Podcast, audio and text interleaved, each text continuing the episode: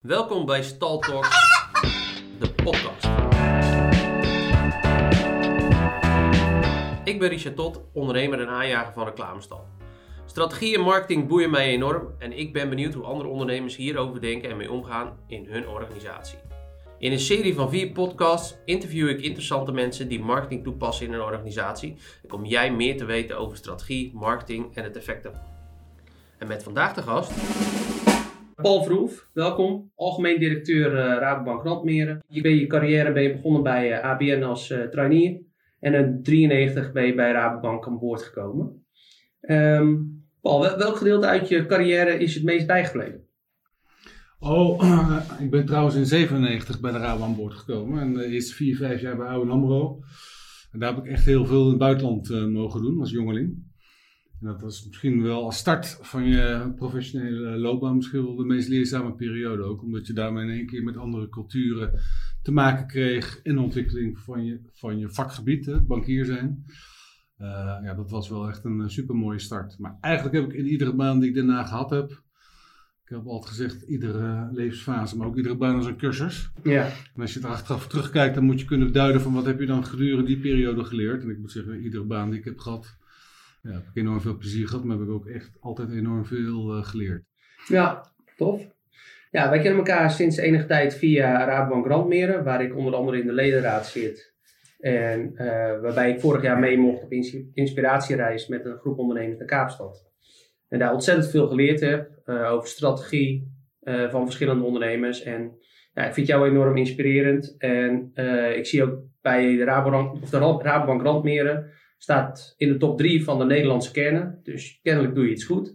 En uh, ja, wil ik graag ook de luisteraar meenemen in uh, wat het voor jou betekent in strategie en marketing. Paul, wat is echt een gamechanger geweest in jouw kennis slash ervaring over het inzetten van marketing? Nou, misschien zijn dat er wel twee geweest. Überhaupt het nut van marketing. Ja. Uh, omdat ik over het algemeen wel redelijk strak zit ook in, in termen van budget en, en geld uitgeven, dat is één. En twee, op het moment dat ik daar wel van overtuigd was dat dat echt veel waarde toevoegt, was de tweede gamechanger ja, de intrede van alles wat met online en content eh, marketing te maken had. Dus de overgang van traditionele print, advertenties en kranten, een hele ratplan, naar maximaal gebruik maken ja, van de enorme mogelijkheden van, van social media en internet en alles wat erbij kwam. En wanneer ben je daarmee begonnen? Wanneer is dat ongeveer geweest? Nou, dat is Eigenlijk nog niet zo heel lang. Ik weet dat dat natuurlijk al veel langer was, maar voor mij was die, dat moment van hey Frik, daar op die weg moeten we eigenlijk veel meer inzetten dan een jaar vier, vijf geleden. Ja, ja. En heb je daar direct effecten van uh, ondervonden? Nee, niet, omdat dat toch ook nog wel een beetje zoeken was. En ik merkte dat heel veel traditionele marketingbedrijven die van traditionele print naar online ook best nog wel veel kennis uh, tekort kwamen om daar echt super gericht op te zijn. Dus ook daar een ontwikkeling geweest. Maar van lieverlee leren en leren die marketingbedrijven ook een beetje de goede te vinden die je daarbij kunnen helpen. En dan zie je uiteindelijk dat die campagnes steeds effectiever worden. En daarmee ook de investering in, in zeg maar, je marketingbudget, wat dat uiteindelijk voor rendement oplevert. Ja, ja. Hey, we hadden net al even iets gesprek in. Je geeft aan dat uh, vooral functioneel en effectief, effectiviteit is belangrijker dan het design. Hè? Dat, dat ja. wat, je, wat je zegt. Kun je daar iets over vertellen wat je daarvan vindt? Ja, voor mij is marketing niet alleen zeg maar, de boodschap die je als organisatie naar je klanten wil bereiken. Maar eigenlijk is het nog wel uh, misschien net zo belangrijk, omdat het ook een gevoel van trots geeft in je eigen bedrijf. als je als medewerker ziet, hey, mijn werkgever of mijn bedrijf, die is overal zichtbaar en die komt met een boodschap en uh, wat haar missie is en waarvoor ze überhaupt in de markt zijn. Dat is eigenlijk nog wel misschien net zo belangrijk effect dan alleen zeg maar, de, het externe effect. En beide hebben we denk ik maximaal gebruikt. Ja. Ook in de campagnes die wij ontwikkeld hebben, door mhm. in plaats van het algemene merk en, het, en het, het merkboodschap te verkondigen, juist ook de mensen die dat merk vertegenwoordigen. Dus bij ons de accountmanagers en adviseurs, om die heel erg nadrukkelijk mee te laten doen in die campagne en de gezichten ook naar die markt te brengen. Ja, ja het is grappig wat je zegt, want de laatste ledenraad uh, uh, leeft het enorm. Hè, we zagen de cijfers waarbij het uh, gewoon best wel goed gaat met randmeren. En dat we veel zichtbaar zijn. En inderdaad de collega's en de ledenraad zelf ja, er was echt een hele positieve vibe was daar ja, ja. En het is grappig dat je dat aangeeft. Ik, uh, ik kan het wel beamen dat dat zo is. Dat het ook in je eigen organisatie De motor van je succes zit toch bij, bij je mensen. Ja. zo simpel is het. Als die mensen zich herkennen in wat je naar buiten toe brengt, maar ze maken daar ook nog een keer deel van uit. geloof echt super sterk in dat effect. Ja. Paul, je gaf straks even aan dat je, je hebt toch te maken met budgetten en je hebt te maken met corporate. Dus je moet je toch wel enigszins binnen de mazen van de wet, of juist in de kaders van de wet, ga je je begeven op het gebied van marketing. Nou, dat, dat lijkt me toch ook wel een uitdaging. Ja, nou ja, Rabo is, is qua merkwaarde gewoon een groot merk in Nederland, Rabobank. En uh, in die zin is terecht dat er vanuit de corporate uh, hoek uh, daar wel wat kaders zijn geschetst om die goede merkreputatie in stand te houden, dat is logisch. Maar daarbinnen ja, ben je even gewoon verantwoordelijk voor de marktbewerking in je eigen markt. Dus in dit geval voor mij binnen Randmeren van Harderwijk zo langs, uh, langs, langs Randmeren naar Bunschoten. En daaraan heb je je ding te doen en ben je verantwoordelijk om daar je commerciële doelen te realiseren. Dus die ruimte daarbinnen, ja, die ervaar ik als maximaal groot uh, om daar de ding, dingen te doen die noodzakelijk zijn om, uh, om je doelen en je ambities te realiseren. Ja, want even voor de luisteraar ook, Raadbank Randmeren, wat houdt het in? Dat houdt in Harderwijk, Bunschoten, Putten, Ermelo, Nijkerk, Hoeflaken. Ja. Uh, merk je daar binnen verschillen als je het hebt over strategie en marketing, uh, wie waarop op reageert? Ah, nou ja, ik, ik, ik, weet een volk en wij zijn gewoon sterk in wat wij noemen de communities. Ja, ondanks de digitalisering, het gevoel dat, dat mensen hebben dat banken op afstand komen, dat is van deel ook waar. Uh, is onze hè, vermogen nog steeds om zo dicht mogelijk op die kernen te zitten. En hoe kleiner de communities zijn, hoe groter het effect van zeg maar, hè, de nadruk leggen op het feit dat je met mensen en adviseurs het gezicht uiteindelijk in de markt uh, vertoont. Dus dat, dat verschilt nog wel. In, in Harderwijk is, is het alweer anders dan in Bunschoten. En daar zul je dus ook je campagnes en je marketing uh, op moeten aanpassen. Ja, dus, dus je zegt dus um, je marketing pas je aan per, uh, per stad of, of, of regio. Ja, ik denk dat het ook afhankelijk is van de grootte van je, van je doelgroep en je markt. In Harderwijk zijn we overigens ook super succesvol, maar ik denk het minst zichtbaar in, hè, qua gezicht. Hè, terwijl dat in Bunschoten, ja, daar kent iedereen, uh, iedereen in Bunschoten, maar heel veel kennen ook onze collega's die in Bunschoten werken. Dat, dat geeft een andere interactie. Ja. En als je dus in Harderwijk nog best wel wat te doen hebt om de gezichten kenbaar te maken, ja, dan zul je daar in je campagne veel meer nadruk op moeten liggen dan in Bunschoten. Want in Bunschoten hoeft dat helemaal niet. Ja. Dus dan doe je wel andere dingen. Ja. Paul, um, welk vooroordeel op het gebied van marketing heb jij uh, uh, moeten herzien? Nou, dat het soms alleen maar ging over het design. Hè? Dus hoe ziet de foto eruit of het plaatje. Terwijl uh, nou, heel lang gedacht heb dat het effect van wat je ermee wil bereiken dan ondergeschikt was.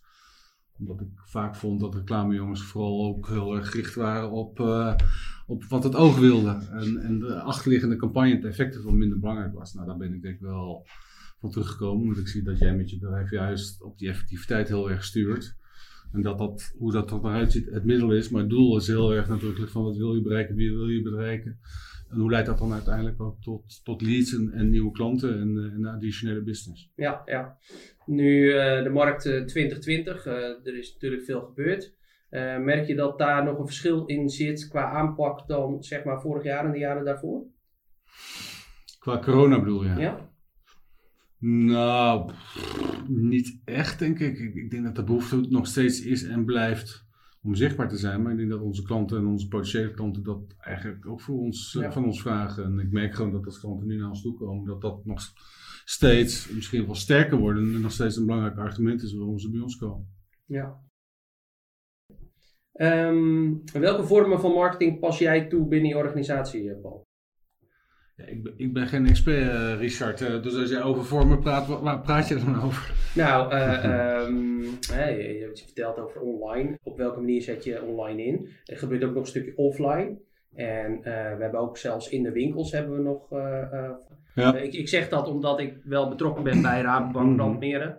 Uh, maar ik ben vooral benieuwd naar jouw visie. Ja, vormen vind ik lastig. Maar natuurlijk hebben we nog steeds hebben de kantoren, de vijf kantoren. Dus daar maken we maximaal gebruik van om zichtbaar te zijn. Uh, we hebben onze mensen, uh, daar doen we wat mee. Dus we proberen wel via geholpen hè, onze collega's ook zichtbaar te laten zijn op hun eigen social media, via LinkedIn en eventueel Facebook. en dan heb je toch de gerichte campagnes die toch wel gaan over, doelgroep bereiken. Hè? Wat wil je? En, voor ons is de huizenmarkt en de hypotheekmarkt gewoon een belangrijke markt. Dus dan probeer je na te denken, hoe kom ik bij die groep?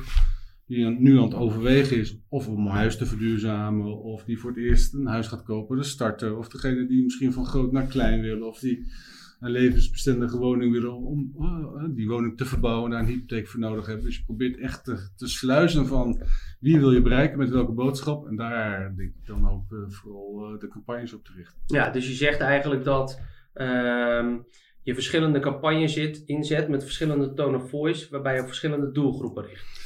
Ja, de, de, de, hè, met alle respect, hè, degene die, die wat ouder is en die uiteindelijk van groot naar klein willen, die slaat op andere dingen aan dan de starter. Dus in dit geval de kranten waarschijnlijk? De, ja, precies. Of, ja. of misschien heel gericht. Of, uh, en de starter, dat zijn jonge mensen. En, uh, die Veel zijn, online te vinden. Die zijn alleen maar online te vinden. Ja. En, uh, dus daar moet je dan wel, denk ik, goed naar kijken op welke manier bereik je ze. Ja. Um, de volgende vraag heb je al een gedeeltelijk antwoord op gegeven. Wat vind jij het meest belangrijk aan marketing? Ja, marketing moet het verhaal vertellen wie je bent. En niet wat je wilt zijn. Want dat geloven ze toch niet. Hè? Ja, dus als je mooi. zegt, uh, ik, ik wil de beste zijn. Hè? En dat ga je vertellen. Ik ben de beste, maar, maar je bent er nog niet. Je wilt er naartoe. Ja, dan moet je niet zeggen dat je de beste bent. Uh, mensen geloven dat niet. Dus de marketing begint altijd te vertellen wie je bent. En wat je doet. Vanuit het hier en nu. Want dat is uiteindelijk de referentie, denk ik. En, en wat je dan over vijf jaar wil bereiken, dat moet je dan maar vertellen. Ja. Want anders prikken daar, denk ik, en terecht klanten omheen. En, en geeft dat juist, denk ik, een negatief Ja, dus je zegt dicht bij jezelf blijven uh, en dat vooral uh, uh, laten zien en vertellen. Zeker, niks Ja. verzinnen. Niks Ja. verzinnen wat misschien qua marketing superleuk klinkt. Maar wa- wat er niet is. eh, want dat is natuurlijk uiteindelijk eh, zo doorheen te prikken. En, en dan word je van betrouwbaar merk juist een onbetrouwbaar merk. Ja, mooi. Hey Paul, um, welke KPI's hang jij aan marketing en wanneer is dat volgens jou geslaagd? Nou, ik weet niet of ik specifiek KPI's heb op marketing. Het gaat natuurlijk wel over een budgetten. Uh, wat, wat wil ik maximaal per jaar uitgeven? Dat monitoren we wel redelijk strak in termen van effectiviteit. Als iets super effectief is, dat weet je, ja, dan, waarom zou je daar dan niet wat meer op investeren? En vooral uh, gewoon de lead generatie. Uh, dus hoe, hoe, hoe bereik je je klanten? En weten die klanten daardoor jou ook te bereiken? Of andersom? En leidt het uiteindelijk tot een adviesproduct of een, of een verkoop van, van andere producten? Dat zijn de, eigenlijk wel de belangrijkste KPI's waar we op sturen. Oké. Um, hoe denk je dat de marketing over vijf jaar, uh, hoe, dat, hoe dat gaat? Wat, wat is er veranderd ten opzichte van nu, denk je dan? Ah, ik denk dat iedereen, en vooral ook, ook de marketingbureaus, steeds beter gaan leren hoe je campagnes kunt gebruiken of inzetten hè, via de techniek die beschikbaar is. Ik denk dat we daar nog maar aan het begin staan van wat, wat er kan, de meetbaarheid. En eigenlijk uh, zorgt dat de effectiviteit steeds groter wordt. Dus met, ja. met dezelfde middelen meer effect of met minder middelen minimaal ja. hetzelfde effect. Ja. Ik geloof dat we daar nog zo'n weg te gaan hebben. Dat dat, dat, dat misschien wel uh, het belangrijkste is. Uh. Mooi. Um, dan hebben we nu nog een, een uitsmijter, uh, Paul. De uitsmijter. Uh, dat zijn eigenlijk drie korte vragen. Um, we gaan richting het einde. Uh, voor de luisteraars wat tips of je die hebt. Vraag 1. De eerste vraag is: welk bedrijf of ondernemer vind jij inspirerend en waarom vind je die inspirerend? Um,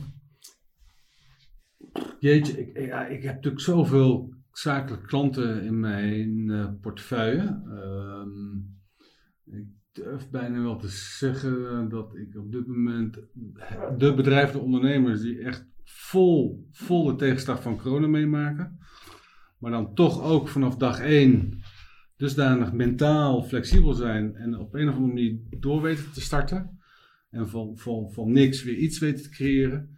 Ja, dat vind ik echt de winnaars uh, van vandaag. Want als je toevallig een klein beetje geraakt wordt en het draait allemaal door, dat is ook super. Nogmaals, ik heb al veel respect voor ondernemers. Maar als je vol in tegenwind toch iets weet te vinden, met name je mentale flexibiliteit om door te pakken, ja, daar heb ik echt enorm veel bewondering voor. En als ik er één noem, doe ik al die andere tekort, want ik kan er wel 20 of 30 noemen die daar op dit moment uh, mee aan de slag zijn. Mooi. Vraag 2. Uh, welk business strategieboek ligt er op dit moment op jouw nachtkastje? Nou, ik ben nu uh, uh, het boek aan het lezen, uh, De meeste mensen deugen. en dat is gewoon een hartstikke leuk boek, want dat zet je in een, in een andere mindset. Als je soms wel eens de kranten leest of wat dan ook, dan, lijkt het of de hele wereld verrot is. Maar, maar het tegendeel is waar, dus dat geeft wel een mooi inzicht. En anderzijds hou ik altijd van boeken als, als, als van hè, de Ubers. En, en hè, net een boek over Netflix gelezen over, over de start-up en wat ze allemaal mee hebben gemaakt. En dat uiteindelijk compleet ander bedrijf is eh, Ja. geworden. Eh, eh, ja, dat vind ik altijd superleuke boeken om, om te lezen. Ja, we hadden het een tijd geleden ook inderdaad ook over Netflix. Hoe lang die toch voor gek verklaard werd. En kijk waar het nu staat. Hè. Ja, ja, maar uiteindelijk heel iets anders geworden is als, Ja. als hoe ze begonnen zijn. Ja. Omdat ze toen ook begon niet wisten hoe, hoe de, de cloud zou werken en hoe je dan uiteindelijk vanuit een traditioneel postorderbedrijf En dus flexi- flexibel zijn. flexibel zijn. Ja. En, dus dat, dat vind ik altijd interessante dingen Ja, om te lezen. Ja. Dus flexibiliteit hoor ik toch wel een beetje door dit eh, interview heen, door dit gesprek heen. Is toch wel iets eh, flexibel en mentaal die switch kunnen maken. Dat vind jij krachtig. Ja, ik, ik, ik moet bijna zeggen dat als alles wat je leest, dat de bedrijven eh, van de toekomst, ja, wat ze noemen het adaptief vermogen, dus het vermogen om te veranderen, eh, dat dat de echte game eh, changers zijn en, en de winnaars van morgen. En, en als je dat kan op, op, op alle vlakken, dan, dan denk ik dat het wel eh, goed gaat komen. Dat is denk ik wel echt cruciaal op dit moment als succesfactor. eh. Dank je. Vraag 3. de derde vraag, laatste vraag. Ehm, welk model en of theorieën moet je sowieso weten als je marketing toepast? Ja, wij, wij hebben nog op school geleerd de vier P's. Oh, dat, dat is een oude. Dat is een oude. Maar pas je die vandaag nog n- Nou, ja, nou, nou ja, nou, natuurlijk ook. Ja. Eh, dit is niet op, zi- op zich, denk ik, meer een theorie die, eh, die niet, meer, eh, niet meer geldt. Maar ja, ik kom uit die school van de 4 P's en dat werd later de vijfde P van personeel volgens mij. En, Ja? Nou, ja, vertel eens eens. Misschien en dat luisteraars niet kennen. prijs, plaats, eh, promotie en producten. Ja, ja. En de vijfde P was personeel. Ja. ik, ik ben verder niet helemaal bij met zeg maar echte marketingtheorie. maar dat kan ik me nog herinneren. Ja, gaaf, leuk. Ja, Paul, dit, eh, dit was het, eh, het interview alweer. Ehm, ik vond het een superleuk gesprek. Eh, weer nieuwe dingen van je gehoord die ik nog niet wist, ondanks dat we elkaar toch regelmatig spreken. Ik wil je ontzettend bedanken. De luisteraars bedankt dat jullie de tijd hebben genomen om te luisteren. En tot de volgende Stal Talk podcast.